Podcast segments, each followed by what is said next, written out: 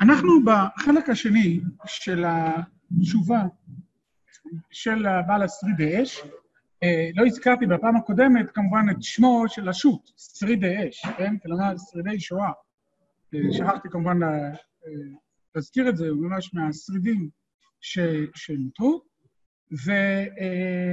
וראינו שאת הבעיה של עצם קיומה של החברה המשותפת, הוא הציף דרך עת לעשות לשם הפרו תורתך. אבל עת לעשות לשם הפרו תורתך במשנתו, זה לא איזה מין התר כללי להכל. אוקיי, החברה מותרת, אבל עדיין צריך לזכור שיש תת סעיף של השאלה הזאת, וזה שירת הקודש המשותפת. עכשיו, סביר להניח שאם הוא היה מעריך ששירת הקודש המשותפת, אם היא לא תהיה, אז החברה תיסגר, אז הוא היה יכול להפעיל גם פה את עת לעשות השם הפרו תורתך. אלא שכנראה הוא לא מעריך ככה, והוא מעריך שאוקיי, החברה תהיה, אבל הבה ננטרל את שירת הקודש המשותפת כי היא אסורה, וגם פה, כדרכו, הוא קודם כל הסביר למה היא אסורה, ואף על פי כן, למרות שהיא אמורה להיות אסורה, למה הוא מתיר, ולמה לדעתו כמובן הקודמים לו, התירו את שירת הקודש המעורבת בחברה שנבנתה על בסיס עת לעשות השם הפרו תורתנו. זה, זה החלק שעוד נותר לנו ללמוד. למי שיש את הטקסט של התשובה, לא דרך הזום, זה סעיף ז'. אוקיי? אז אמנם, אולם לדינה אין נפקא מינה בזה, כיוון שהבתולות הן בחזקת נידה, וכמו שכתב במשנה ברורה, אם כן, אסור לעולם לשמוע כל זמר, כן? כלומר, של בתולות. ומכאן זה ערערתי נגד מנהג זה, שנהגו חרדי אשכנז, כלומר, הוא מספר, לא קראנו את זה, על הביוגרפיה האישית שלו, שכשהוא הגיע לאשכנז, זה באמת היה נראה לו מוזר מאוד, שבגרמניה, בביתם של החרדים, נשים וגברים שרים ביחד, זמירות שבת ודברי קודש וכדומה, ולכן הוא מספר במפורש שאכן, לדעתו, שירת נשים אסורה. אבל, מול העובדה הזאת, אחרי דרישה וחקירה נאמר לי כי הגאון, הצדיק, רב, רבי עזריאל הילצהיימר, וכן הרש"ר הירש בפרנקפורט על נהר מים התירו בזמירות קודש לו לזמר ביחד, אז אם כן, אה, עכשיו צריך למצוא את הנימוקים ההלכתיים. זאת אומרת, יש לו אמון בשני גדולי הדור אה, החרדים, גם בגלל גדלותם בתורה, גם בגלל שהם הרבנים שלו, וגם בגלל ההצלחה. אנחנו כל הזמן ברקע זוכרים שהוא אומר, זה הצליח, כן? אז אם כן, הוא מחפש מה הבסיס ההלכתי שלאורו, למרות שנראה לו במחשבה הראשונית, זה מה שמרתק פה, למרות שנראה לו במחשבה הראשונית שזה אסור, זה אתה לא יכול להתיר, אתה יכול להתיר מתיר עת לעשות השם הפרו תורתך, דברים שהם לא עד הסוף מוגדרים, אבל פה יש שני דברים. א', לא בטוח שלצורך קיום ישורון צריך את זה, וב', זה איסור מפורש, ממוקד, זה לא כמו איך צריכה לראות החברה שהוא איסור יותר אבסטרקטי. רגע, בואו נבדוק, אוקיי? אז אם כן, הטעם הראשון שהוא מוצא, זה הטעם שהביאו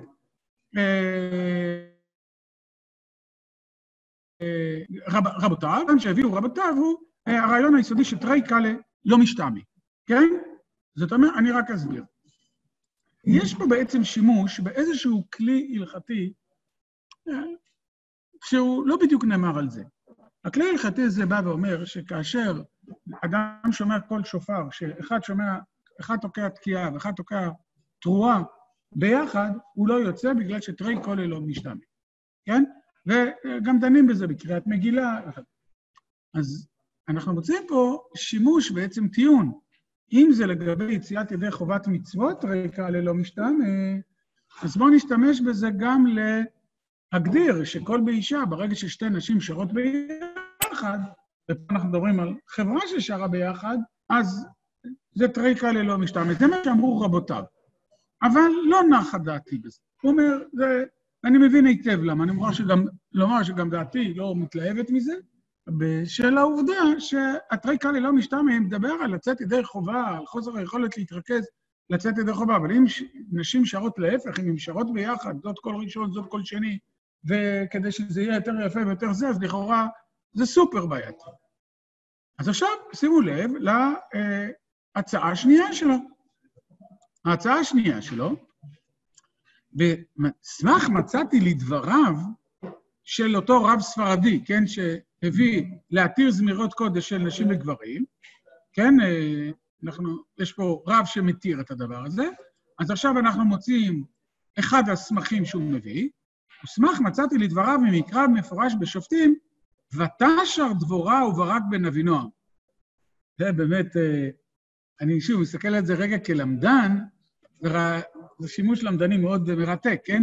ותשר דבורה וברק בן אבינועם, ואחר כך ראיתי בבאר שבע, באר שבע זה ספר של אחד מגדולי האחרונים יותר קדום, שהביא פסוק זה, ודחה, כי על פי דיבור שמה, איך אתה יכול להשתמש? קודם כל, מי אמר שבתשר זה ותשר? ותשר יכול להיות שהיא אמרה שירה, כן? כלומר, זה. ב', היה, הייתה בנבואה, והיא שפטה, וכדומה, וזה דוחק, ולהגיד, אה, אה. אבל הוא אומר, לעניין שיר, כן, אה, אז לכן, בקיצור, דן בשאלה הזאת, אה, ויש כאלה שאומרים שבשעת, בשעת אה, שירה, שכינה שרה אל האיש לשורר ולקה משום ערעור, זה כבר רעיון אחר, כן? זה כבר רעיון אחר. כלומר, הרעיון השני, שעוד אנחנו נראה בהמשך, כן? שבשירי קודש לא חיישנה לערעור. כן, שזה כבר כלי הלכתי אחר. והטענה היא, יושבים ושרים כל דודי קודי אז אנשים נמצאים בזה, בשירי קודש, כלומר, זה כבר נימוק שלישי, מהותני. כלומר, הוא אומר, באופן בסיסי, שאומנם הבנות שרות, אבל תשומת הלב של כל השרים ניתנת לתוכן, ולכן זה כבר נימוק שלישי, למה אולי אפשר להתיר את הדבר. אפשרות רביעית, תראו, שוב, זה, אותי זה מאוד מעניין, לא הפסיקה בסוף, היא כמובן חשובה, אבל תשימו לב, בעזרת איזה כלים הלכתיים אנחנו מנסים לבדוק האם העובדה שהבנים והבנות האלה שרים ביחד זמירות שבת, היא בעייתית מצד כל באישה ערווה.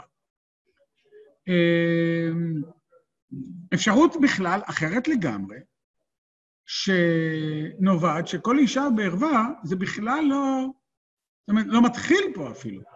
ולמה זה לא מתחיל פה? לא בגלל אה, איזשהו דין מיוחד, אלא בהחלט הרמב"ם הרי לא הביא את כל באיש, אה, כל באישה ערווה בהלכות קריאת שמע. ו... אה, סליחה, טעות שלי. טעות שלי. זה, טוב, אני חוזר בי. יש כאלה שאומרים שכל באישה ערווה בכלל נאמר על דיני קריאת שמע. זאת אומרת, מותר לשמוע כל נשים, מותר לשמוע כל שירה, מה שאסור לעשות זה שכשאתה קורא קריאת שמע, שזה לא יסיח את דעתך. אבל, אומר האסרידש, הרמב"ם לא הלך ככה, כן? הרמב"ם לא הלך ככה כי הוא לא הביא את כל באישה ערווה במסגרת דיני אה, קריאת שמע, ו... אה, אבל הוא עדיין כן טוען בלשון הרמב"ם, שהאיסור בכל באישה ערווה זה שהתכוונו ליהנות מכל אישה, ולא כמו במקרה הזה שלנו, זה כמו כאילו דבר שלא מתכוון, הם שרים שירי קודש, במסגרת זו גם אה, הנשים. ולכן, מכל מקום, יש מקום לומר, לא יודע אם אתם איתי, אני קצת דילגתי לאמצע סעיף ח', שבזמירות קדש הזמר מעורר רגש קודש ולא הרהור עבירה. זאת אומרת, הוא עדיין ממשיך בכל הטיעון של, uh, הטיעון השלישי, שבשירי קודש לא חיישנה לערעור, בגלל שהזמר מעורר קודש ולא ערעור עבירה, ולכן הוא מביא עוד ראיה לפה ועוד ראיה לפה וכדומה, ולכן הוא אומר, באופן בסיסי, אה, זה שם. אפשרות רביעית להתיר את השירה, למה זה... אפשרות רביע, אה, אה, נוספת להתיר את השירה, היא, שנייה אחת, אני רק רוצה כדי, כדי שה... שותפים בשיעור יוכלו לראות. הוא כרגע מתיר, אה, מציע פה הצעה רביעית. מה ההצעה? יש עוד סניף להתיר זמירות קודש. רגע, האם אתם מסכימים איתי שזו דוגמה שהוא קודם ירה את החץ, ואחר כך סימן את העיגול, כן? עכשיו, הוא אומר את זה, זה לא שאני אומר את זה, הוא אומר את זה. רבי לי אליעזר צמר ורש"ר הירש התירו. מבחינתו, ברגע שרבותיו וגדולי התורה, רש"ר הירש והרב הילצמר התירו, זה קודם כל הנתון. עכשיו צריך לנסות להבין באיזה אפיק הם הלכו. וכאן הוא הציע כרגע שלושה אפיקים. ארבעה, סליחה, אנחנו ברביעי. אפיק אחד הוא הציע, הם הציעו בגלל העובדה, הם לא התירו קול באישה. קול באישה אסור בכל התנאים ובכל המצבים, אבל כשהן שרות ביחד אין קול באישה, כי תרי קלי לא משתמעי. הוא לא התלהב מזה. אפשרות שנייה היא שבכלל לא אסור קול באישה אה, אה, בזמירות קודש. כן, אני מדיר בזמירות קודש, כן? לא אסור בכלל קול באישה, והראיה היא מדבורה. שלוש, תיאורטית, גם בשירי קודש היה אסור קול באישה, אבל למעשה צריך לבדוק פה מה שקראנו בשיעורים הקודמים, פסיקה מהותנית. הרי לא קול אסור, אסור. מה שאסור זה מה שזה מחולל בנפש. ואם בשעת שירת קודש זה לא מחולל בנפש, כי תשומת הלב ניתנת לשירת הקודש ולא ליפי הקול של הבנות, אזי אין לי בכלל בעיה. עכשיו הוא מציע הצעה רביעית, ויש עוד סניף להתיר זמירות קודש, שכל שאינו עושה דרך חיבה רק כוונתו לשם שמיים, מותר. זאת אומרת, למד, אני רוצה להזכיר שיעור כללי שהיה על כך, אה, בזמן הקודם. אה, האם, האם מותר להסתכל על יופי של על פשוט ליהנות מיופי של אישה? רחב ורד, ודאי שזה אסור, כל המסתכל באצבע קטנה של אישה, אפילו גזר דין של שיעים, דברים חמורים מאוד. אז שאלנו בשיעור הכללי, אז איך מותר, ואיך חכמים קבעו אסור לאישה, לאדם שיישא אישה עד שירנה? והם שלחו אותו להסתכל. והם חייבו אותו להסתכל. ואז התחיל ויכוח, אם אתם זוכרים, בין הרב תמיר לביני, אבל אני עדיין מחזיק בעמדתי, שהם שלחו אותו להסתכל. התשובה היא אותה תשובה שהוא הולך פה בדרך הרביעית. צריך לפסוק פסיקה מהותנית. לאמור, לא עצם ההסתכלות ליהנות מאישה הוא האיסור. האיסור הוא משהו שזה מחולל בנפש. ולכן, אם זה כדי להתאבות, אסור. אם זה כדי להכיר וכדי לראות אם אנחנו מתאימים להתחתן, מותר, תלוי בהקשר. אותו דבר בדיוק הוא רוצה לומר על כל באישה. אם אדם באמת אה, עושה את זה דרך חיבה כדי להקשיב לפי שירת אהובתו, הדבר הזה אסור, עד שהם נשואים. אבל אם מדובר פה בכלל בקונטקסט שאיננו קונטקסט לא של הנאה ולא זה, אלא קונטקסט שהוא קונטקסט של שרים עכשיו ביחד שירי קודש, לא בגלל שהקודש דוחה את הערעור, אלא בגלל שזה בכלל לא נאסר מלכתחילה, כן? והוא מביא פה אה, מקור בתוספות, מכל מקום אני ממשיך. יש לומר, כיוון שהמזמרים זמירות קודש גם כן מתכוונים לשם שמיים כדי לעורר רגשות דתיים אצל הבנים, אצל הבנות, סליחה, ולתת בליבם חיבה לקודשי ישראל, יש לסמוך על המקילים. כן? יש לסמוך על המקילים, ושוב אנחנו חוזרים עכשיו לעת לעשות השם הפרו תורתך. זה כמובן כלי, איך מישהו אמר בשיעור הקודם, כלי טוטאלי, והוא כן מכניס את השיקול של עת לעשות השם, כלומר, כדי שישבו וישירו ביחד, במקום שישירו שירי להקות זמר, ישבו וישירו שירי אה, דברי תורה, מותר בהחלט בגלל עת לעשות לשם הפרו תורתך. כלומר, אתם רואים, רואים שלקראת סוף, ה, ה, לקראת סוף התשובה, הוא הולך לכיוון הזה, ודיברנו על זה הרבה בשיעור הקודם, על שאלת הסמכות, רק שנייה אחת, אז הוא כותב על הסמכות. ובוודאי שדבר זה נמסר רק לחז"ל, להכריע מתי הוא העת לעשות השם אחד, ומה מותר להפר, כן? לא כל דבר מותר להפר.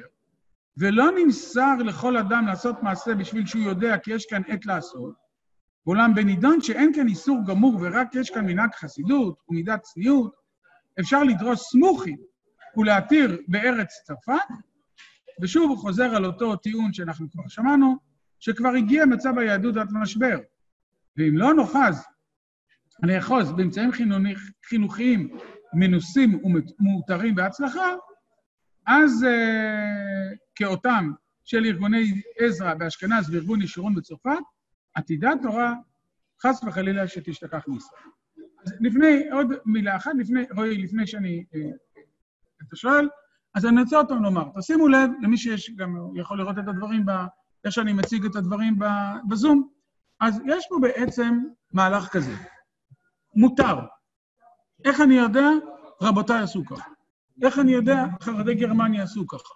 עכשיו אני מנסה להבין איך, למה זה מותר.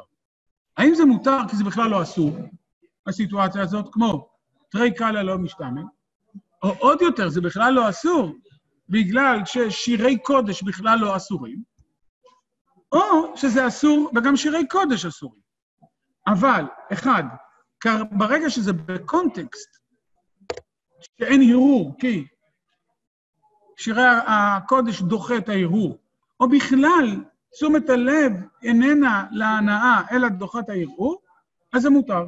זה ארבעה נימוקים עד לפה ראינו, והחמישי, עת לעשות להשם הפרו תורתך, ואמרנו כמה וכמה וכמה פעמים, צריך להיזהר מזה מאוד מאוד. כן, אוי. אני לא יכול לשמוע את ה... כן. אני מסכים. אני מסכים. אני מסכים. כלומר, אומר רועי, שהצורך לחזור לעת לעשות לשם הפרו תורתך, חלק מזה נובע כי הרבה מאוד מהנימוקים האלה הם נימוקים די רופפים ודי סובייקטיביים. אוקיי. סיכום, כן. כן.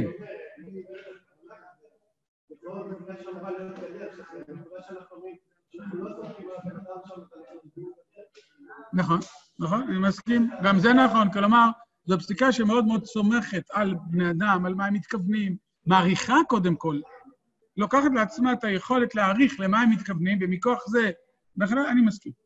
אוקיי. מה צריכה להיות השורה התחתונה? עכשיו תראו את גדלותו של רב. שורה התחתונה לכאורה צריכה להיות מותר.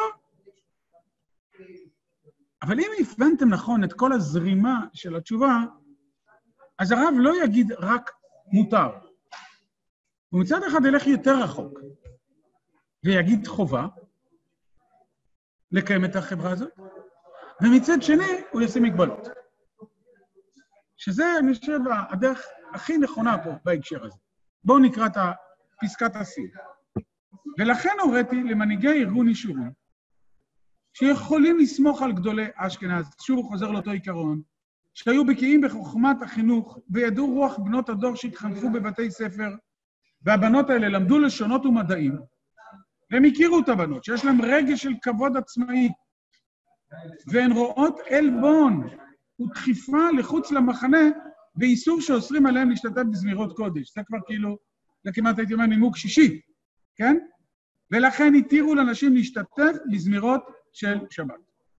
קודם כל, עכשיו הוא הלך עוד יותר רחוק, והוא אמר, הנזק, זה, זה ממש סופר עת לעשות השם הפרו תורתך, לא רק בגלל שאם לא יהיו שירי קודש אז uh, לא יבואו, אלא בגלל שאם לא נתיר לבנות לשיר שירי קודש ונתייחס אליהם בתור איום על הצניעות ועל הקדושה, כבר אז הוא כותב, שימו לב, זה לפני 70 שנה, כן? מה? מאוד. הוא אומר, אתה יודע מה, זה יכול להיות אולי, אני לא בטוח שזה מאוד פמיניסטי, אולי זה אפילו מאוד שוביניסטי. כן, כאילו, זה גם יכול להיות, אבל בלי לתת כרגע אה, מסגרות, אי אפשר לקיים מצב כזה שבו אנשים מהם מצד אחד למדו לשונות ומדעים, ומצד שני, כשבאים לשירת קודש, הם לא תשאירנו. אומרת, אין כזה דבר. עכשיו, אני גם יודע, דבר שני, ואנו רואים ויודעים, כי גדולי אשכנז הצליחו בחינוך הבנות ונשים צעירות יותר מגדולי שאר הארצות. ובאשכנז ראינו נשים מלומדות ובעלות דרגה, השכלה גבוהה, שהיו חרדות על דת ישראל ומקיימות את המצוות בהתלהבות. כן? אז שני הדברים האלה, א', זו שיטה בלתי אפשרית לעשות אחרת, וב', היא הצליחה. ולכן, למרות שהיה נראה לי בהתחלה שאסור לשיר, תראו איזה יושר. ומשום כך, אין אני מרהיב לאסור מה שהתירו הם. ובחרון דן נאמר, עת לעשות להשם, הפרו תורתך. כן? כלומר, בסופו של דבר, זה מה שמרחף מעל כל הפסיקה, וכן מה שכתב המורדכי, ובעוונותינו שאנו מפוזרים בארצות שונות, ועת לעשות בשער הפרתו, על כך אין אנו נזהרים מללמוד בשמיעת שיר נשים ארמאיות, כך כותב המורדכי, ועוברה במעדני יום טוב בברכות, בברכות שמה, ואף שיש לחלק בין הסורים, מכל מקום הטעם אחד הוא, שבארצות כמו אשכנז וצרפת, הנשים מרגישות עלבון ופגיעות בזכויותיהם אם נאסור עליהם להשתתף בעונג שבת על ידי זמירת קודש. ודבר זה מובן למי שמכיר טבע הנשים במדינות הללו, והאיסור יכול לגרום לריחוק אנשים מן הדת חלילה. עכשיו הוא אומר, ובפירוש התניתי במכתבי נעל שאין לחוף על אנשים, כן? כלומר, אם הן לא רוצות, וטוב, פה הוא נותן עוד איזשהו עניין הלכתי ועוד עניין הלכתי. אה, עכשיו שימו לב, ו... אה, אה, אה, סליחה, זה, סליחה, זה, לא עוד הלכה, זה טעות בהקלדה. אה, סליחה, פה ב. מי שיש את המקור, אז פשוט, זה עוד פעם, אה, הוקלד עוד פעם בטעות. אוקיי? זה ממש אותם מילים שראינו מקודם. עכשיו הוא כותב, צו השעה, שמתם לב? צו השעה, זה לא היתר, אה, הוא ליצור חוג של צעירים וצעירות דתיים, תנועת נוער עם התלהבות מדבקת וכוח משיכה חזק, אשר בהיותם מושרשים בקרקע היהדות הדתית, יסתגלו להכניס זרם חדש בקרב היהדות, זרם של להט נפשי, של רוח רענן וחי, שבכוחו לכבוש את הלבבות ולרומם את הנפשות הנחשלות, שהגעגועים לחיי קדושה של יהדות תורה עוד לא הוממו בקרבן. רק במסגרת זו של אישורון אפשר למשוך את הנוער, שלעולם לא יבוא למקום אחר, ורק במסגרת זו ישנם סיכויים לשגשוג חדש של הרוח הדתי וכולי וכולי וכולי. אוקיי. אני חושב שמיצינו את התשובה הזאת, אה, מה אנחנו יכולים לעשות איתה היום? כן, אה, אלקנה. נראה שבגלל, בעיקר המודרנה והצו השעה זה נקרא, בעיקר בגלל המודרנה וההתבוללות. כך נראה. עכשיו, השואה יצרה את התשתית הזאת, כי אין מרכז. מה אני יכול לעשות עם התשובה הזאת? אני אגיד קודם כל מה לא. אין ספק שלקחת את התשובה הזאת ולעשות copy-paste להיום, זה מעשה לא נכון. הסיטואציה השתנתה, אה, ההבדלים גדולים מכל מה שלא, גם אה, שאלת ההפקרות המינית, גם סכנת ההתבוללות, גם, גם אם אתה מנסה להגיד, אני חושב ששניים יטעו. שניים יטעו אם הם יגידו, צד אחד יגיד, הנה, בעל השריד אש התיר חברה מעורבת, אז אה, זה ניסיון להתעלם מההקשר, מהנימוקים, מהמצב, מהצורך, מהכורח, מכל הדברים האלה. זה מצד אחד. וכמובן, הצד השני, מי שיגיד, לתשובת השריד אש אין שום השלכה להיום, הוא גם איתי. כי uh, זה נכון שהכל השתנה, ואתה לא יכול לקחת את זה איך שזה, אבל התשובה הזאת היא קודם כל חשובה בפני עצמה מבחינה למדנית, כמו שעסקנו את זה בפעם הקודמת, כן? כלומר, בואו נברר למה אסור, ובואו נברר, א', האם האיסורים האלה אכן תקפים, וב', בואו נברר, גם אם האיסורים האלה תקפים, האם יש על, הלכת על, שאומרת, כמו עת לעשות לשם הפרו תורתך, שמתגברת גם על האיסורים התקפים. וכמובן, מי שיבוא היום, יפסוק בשאלה הזאת, יצטרך לשאול את עצמו את אותן שאלות שהשריד האש שאל את עצמו, אם כי התשובות שלו תהיינה אחרות. כלומר, יהיה, יצטרך לשאול את עצמו, קודם כל, להעריך את המצב. האם באמת, והיה אם תיסגר חברת הנוער המשותפת לבנים ובנות, שוב, אני ממשיך את השרידי אש. אז האם היא תיסגר, האם יקרה אסון? האם יקרה אה, חילון? התבוללות כנראה לא תקרה, אבל האם יקרה חילון כתוצאה מזה? האם הנוער הדתי, לאן הוא ילך? האם הוא ילך כמה מהם ילך לחבורת נוער שאכן סוגרת את עצמה, וכמה אה, ילך לחבורה לא דתית ש, שפותחת כל מה, זו שאלה גדולה של הערכת מצב. זו שאלה אה, גדולה מאוד גם של היכולת לעשות את ההפרדות, את ההבחנות, איזה שירים כן, איזה שירים לא. יש, אבל אין ספק שעל כמעט כל רבני הציונות הדתית, כמעט, לא כולם, מרחפת הרוח הגדולה הזאת שנמצאת פה בתשובה, שאומרת, תראו, בסופו של דבר, הנוער הדתי, תנועות הנוער הדתיות הן נדבך דרמטי בזהות היהודית של חניכים. בזהות היהודית והדתית של חניכים. מבחינה זו, זה המציאות זהה. לא חושב שיש מישהו שיחלוק על כך. מישהו שיחלוק על כך שחלק מהזהות הדתית עוצב לא במוסד החינוכי, שהוא נפרד, אלא עוצב בחברת הנוער, בתנועת הנוער, בהדרכה, בשירה המשותפת, במשחק המשותף, בטיול המשותף, שם, שם זה נוצר.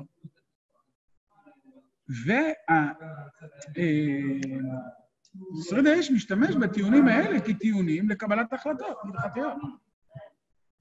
ולזה יש משמעות, אני חושב שאם אני מנסה למפות את רוב רבני הציונות הדתית, אני חושב שיהיה נכון להגיד שרוב רבני הציונות הדתית ממשיכים בדרך של שרידי אש. כלומר, אומרים שהחברה צריכה להיות נפרדת, ושלא, אני יודע מה, בקול באישה וכדומה, אבל מול האלטרנטיבות השונות הקיימות, אם אנחנו עכשיו נעשה את זה, זה תהיה הפקרות רוחנית, רבנית, זה לסגור את התנועה, לנסות, לסגור את התנועה המעורבת, כי התוצאות תהיינה נערות אסון, כמו שהוא כותב בסוף. כלומר, יש לנו פה תשתית לקו הלכתי שכזה. אני לא מביע כרגע את עמדתי, אתם יודעים שעמדתי היא נמצאת במקום אחר, אבל אני כן אומר שאני חושב שחלק בלתי נפרד מה... מההשפעה הגדולה של התשובה הזאת היא השימוש בהערכת המצב, בחשיבות, בשאלה מה יקרה אם תנועת הנוער ישורון לא תהיה קיימת, אם היא תהיה במקום אחר, וכן כל, מה, כל מה שדיברנו עליו. זה דבר אחד. הדבר השני שמבחינתי הוא הדבר הכי חשוב בתשובה הזאת, זה מה שהדגשנו בפעם הקודמת, לעת לעשות לשם הפרו תורתך. כדי, זה, זה כלי שצריך קודם כל להירתע מאוד מלהשתמש בו. כי זה כלי מנפץ הלכה. במקרים הנדירים והבודדים שמשתמשים בו, ניתח לנו כל כך יפה שריד האש, את העובדה שאתה צריך בעצם להתגבר על שלושה מכשולים לפני שאתה יכול להשתמש בו. א', האומנם עת לעשות לשם, כן? כלומר, האומנם המצב כרגע מצדיק אה, את, את, את הפעולה האגרסיבית הזאת, נניח בהקשר של ישורות, האומנם יש צורך אנוש בתנועת הנוער הדתית, וזאת שאלה ראשונה. שכמובן, היה בהערכת מצב, אבל... שאלה שנייה, הפרו תורתך. האומנם יש לך בסיס מספיק חזק כדי לטעון שאם אנחנו נפר פה תורה, אז זה יפתור את הבעיה. אף אחד לא מבטיח. אף אחד לא מבטיח לך, כן? שאם זה נפר פה תורה, זה יפתור את הבעיה. כלומר, על בסיס מה אתה מניח את ההנחה הדבר השלישי שראינו, זאת שאלת, שגם הוא כותב פה עכשיו. ממש גם בשורות האחרונות, זה באמת שאלת הסמכות. עת לעשות לשם הפר תורתך היא לא בסמכות של כוחות מקומיים, כן? כלומר, צריך לזה רבני הדור הקודם, צריך לזה את הסמכות ההלכתית של עכשיו, צריך... כלומר, צריך בהחלט, כדי לפסוק בעזרת עת לעשות לשם הפר תורתך, צריך להיות משהו מאוד רציני ומאוד דרמטי. ואי אפשר לפסוק עת לעשות לשם הפר תורתך כאשר אנחנו מדברים על משהו שהוא מקומי, שמשהו שהוא לא חד, משהו שהוא אפשר לטעון ככה ואפשר לטעון ככה, כן? כלומר, זה חלק בלתי נפרד מהפסיקה הזאת של עת לעשות השם הפרו תורתך.